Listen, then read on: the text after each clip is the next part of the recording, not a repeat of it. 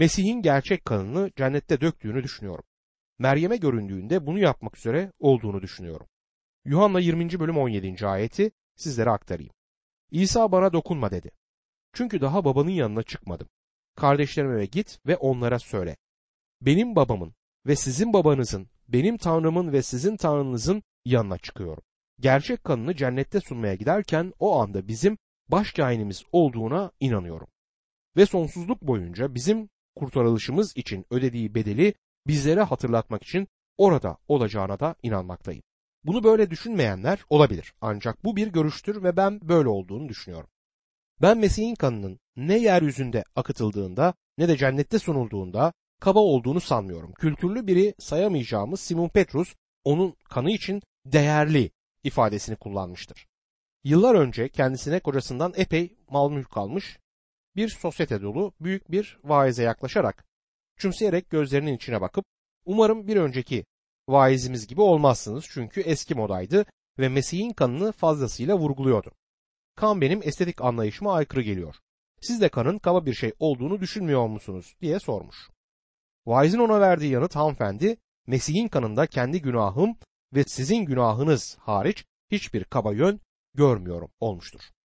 Ben de bütün kalbimle kendisine katılıyorum. Size çok kesin ve dogmatik bir biçimde Mesih'in kanının şimdi bile cennette olduğunu ve Mesih'in bizi kurtarmak için ödediği korkunç bedeli bizlere hatırlatmak için sonsuz çağlar boyunca orada olacağını da söylüyorum. Daha iyi vaatler üzerine kurulmuş diyor ayette. Eski antlaşmanın zamanında Tanrı Musa'ya yasayı vermişti ve İsrail halkı yasaya karşı geldiklerinde kurbanlar getirmişlerdi. Tanrı yasayı ve tapınma çadırı ayinleri aracılığıyla kendisine yaklaşmaları konusundaki talimatları vermeden önce İbrahim'in yaptığı gibi Tanrı'ya imanla yaklaşıyorlardı. Sonra İbrahim'in zamanından öncesine baktığımızda Nuh'un tamamıyla başka bir temeli ele aldığını da görürüz. Tanrı'nın farklı çağlarda farklı insanları farklı biçimlerde ele aldığını görmeden kutsal kitabı okuyabileceğimizi düşünmüyorum. Eğer bunlara devirler demek istemiyorsanız istediğiniz başka bir sözcüğü kullanın.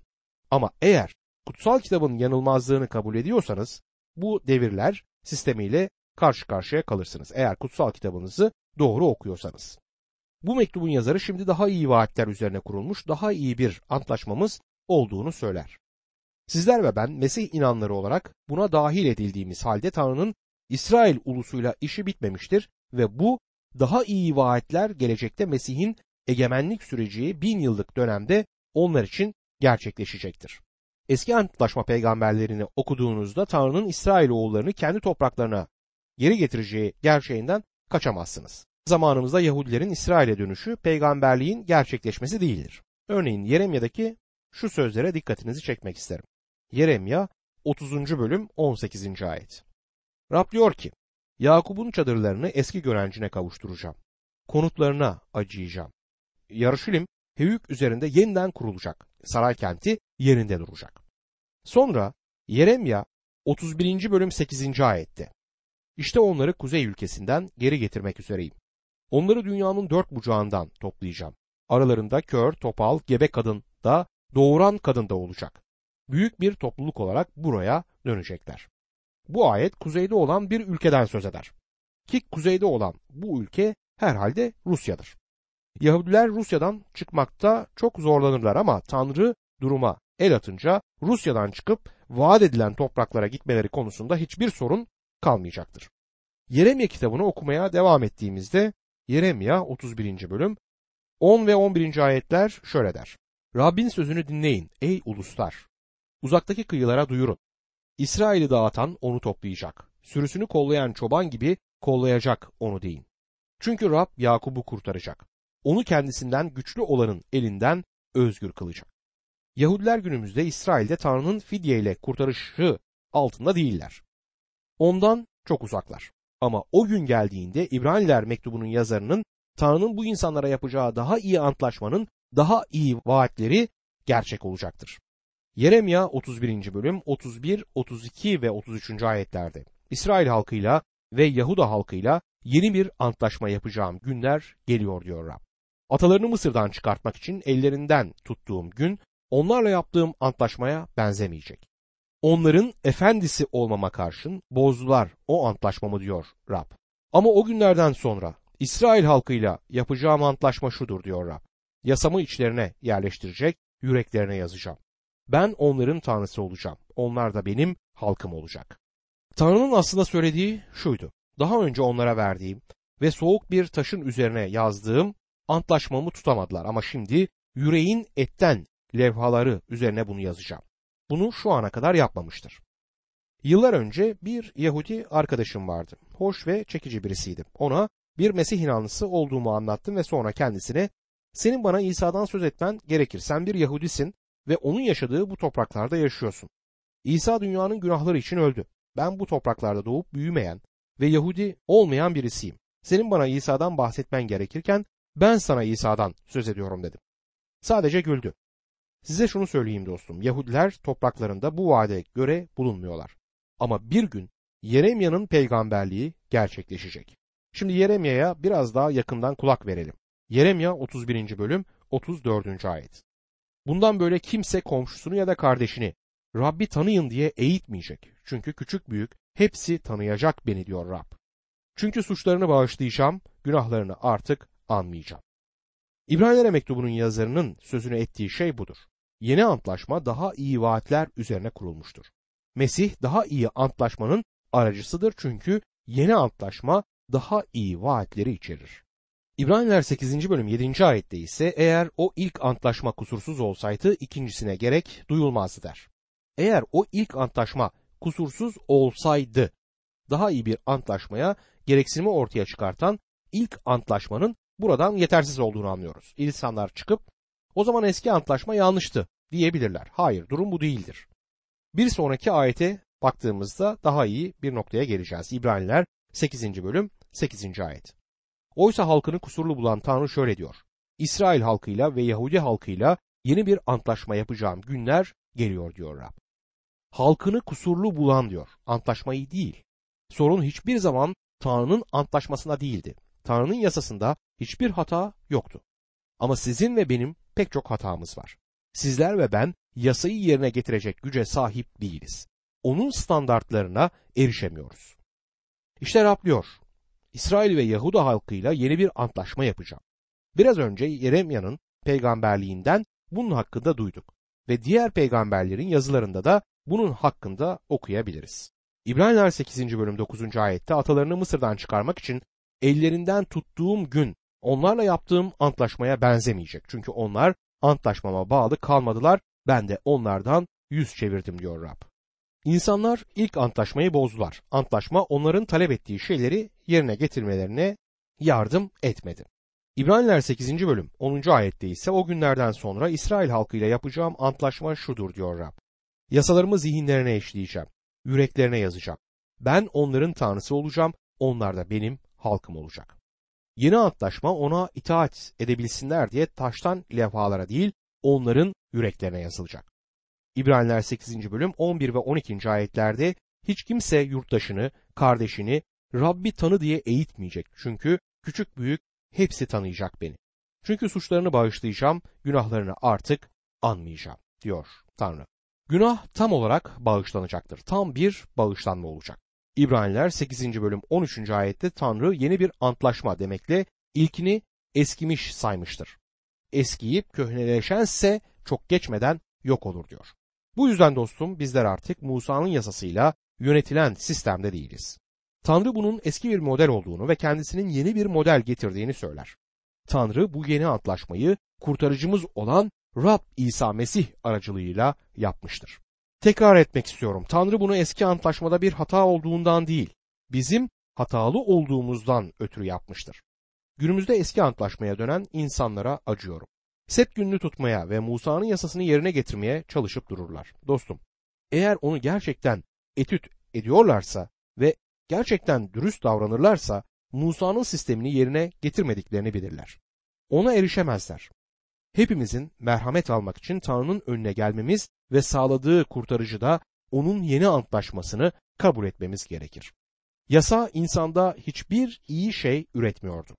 Elçi Paulus Romalılar 7. bölüm 18. ayette içimde yani benliğimde iyi bir şey bulunmadığını biliyorum. içimde iyi yapmaya istek var ama güç yok diyebilmişti. Ve dostum kutsal kitap doğrudur. İnsan ise tamamen bozuk. Bu sadece karşıdaki apartmanda ya da sokağın öbür ucunda oturan adam ya da sadece açıkça günah içinde yaşayan birisi için değil. Siz ve ben anlamına gelir. Kutsal ruh şimdi imkansız olanı yapabilir. Kutsal ruh zayıf ve günahlı bedende kutsal bir yaşamı üretebilir. Buna çok yaygın bir örnek vermek isterim. Diyelim ki bir ev hanımı kahvaltıdan hemen sonra fırına bir rosto koyuyor. Çünkü öğle yemeğinde bunu kullanmak istiyor. Bir süre sonra telefon çalıyor. Telefondaki bir arkadaşı sözlerine işittin mi diye başlıyor. Ev hanımı duymamış ama duymayı da istiyor. Bu yüzden bir sandalye çekip oturuyor.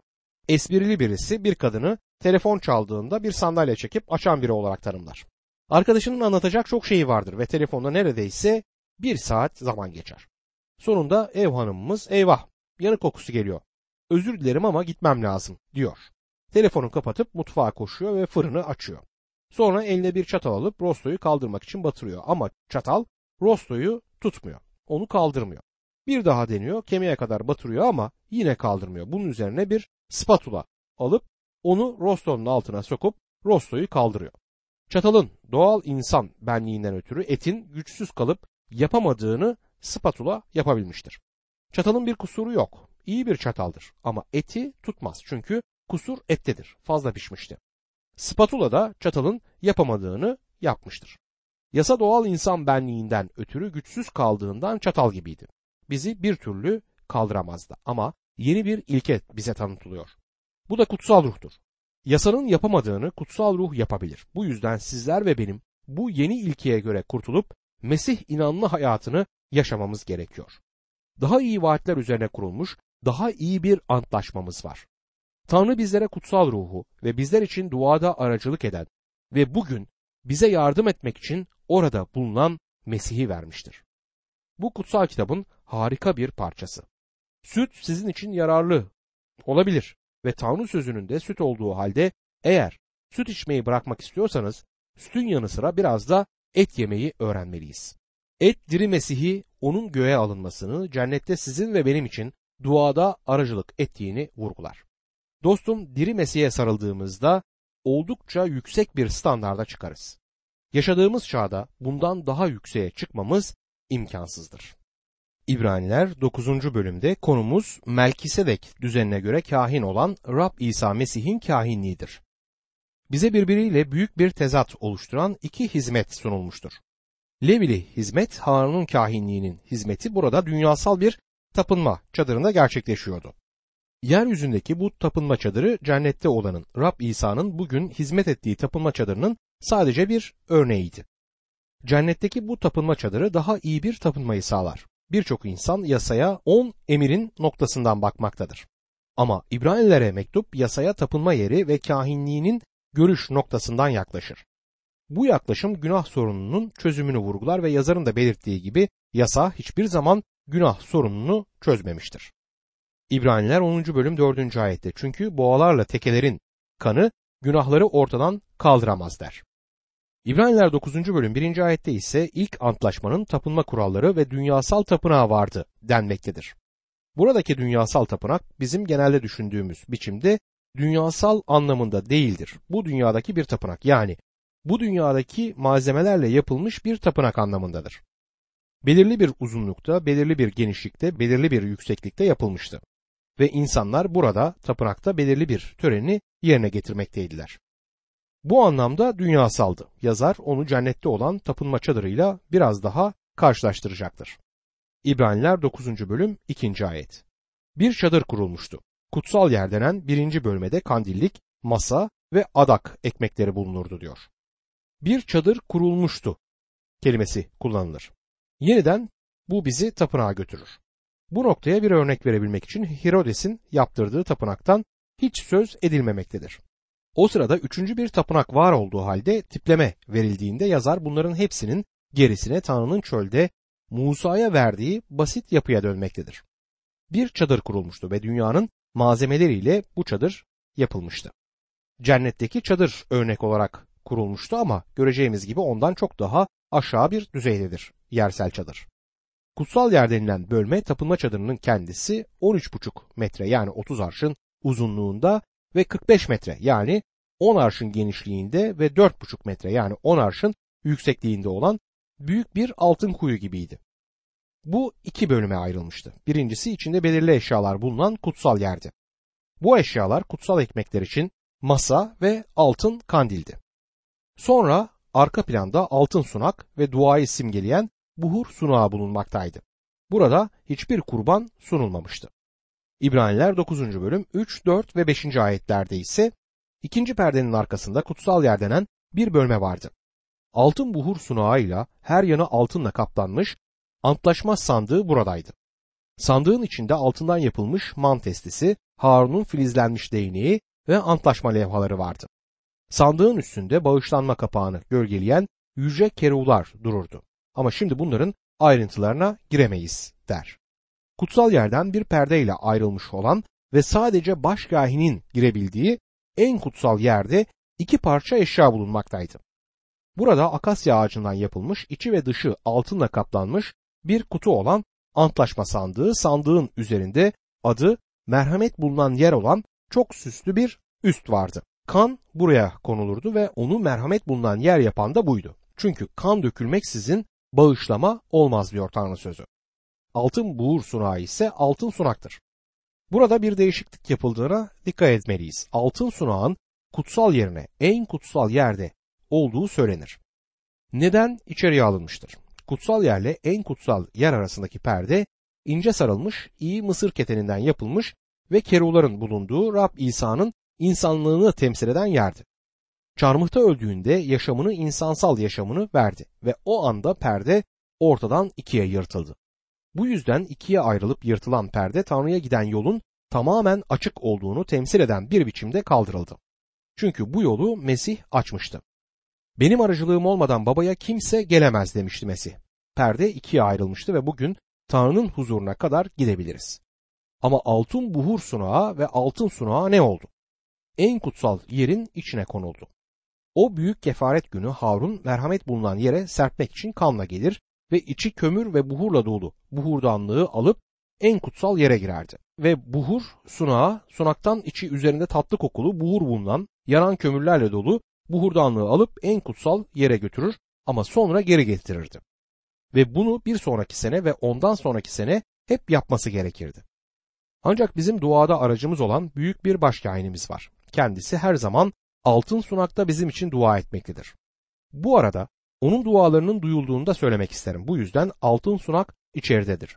Ama aynı zamanda dışarıdadır. Çünkü sizler ve ben ona dua aracılığıyla yaklaşıyoruz. Elçi Paulus Romalılar 5. bölüm 1 ve 2. ayetlerde böylece imanla aklandığımıza göre Rabbimiz İsa Mesih sayesinde Tanrı ile barışmış oluyoruz.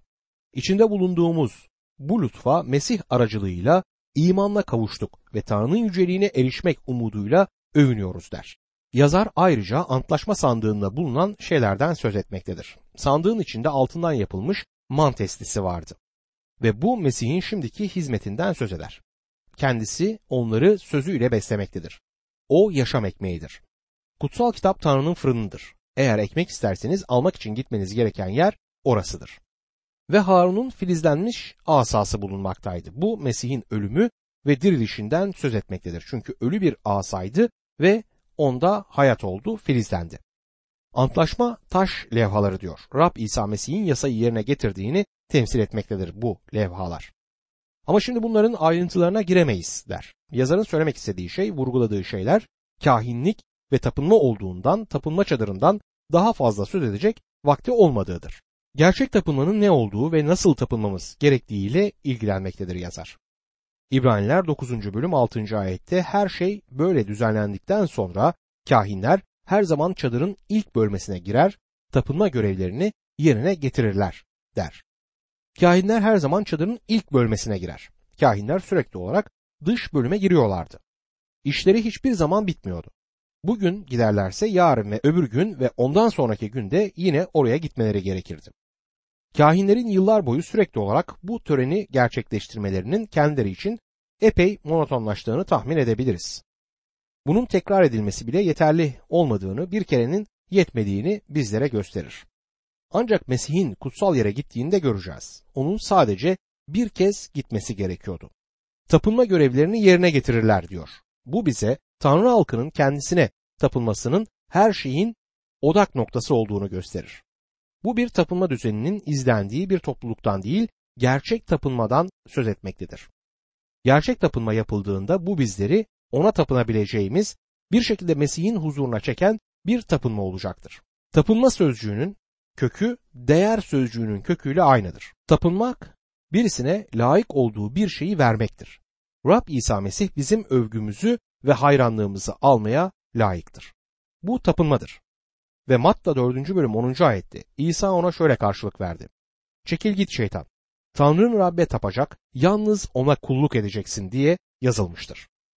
İnsanlar Mesih'e gerçekten tapınıyorlarsa bir şey yapmaları için onlara yalvarmanız, ısrar etmeniz ve onları iteklemeniz gerekmez. Çünkü gerçek tapınma insanları hizmete getirir. Birçok vaiz insanlara bir şey yaptırabilmek için onları ziyaret etmeye, öğretmeye, ilahi söylemeye teşvik ederek zaman harcar.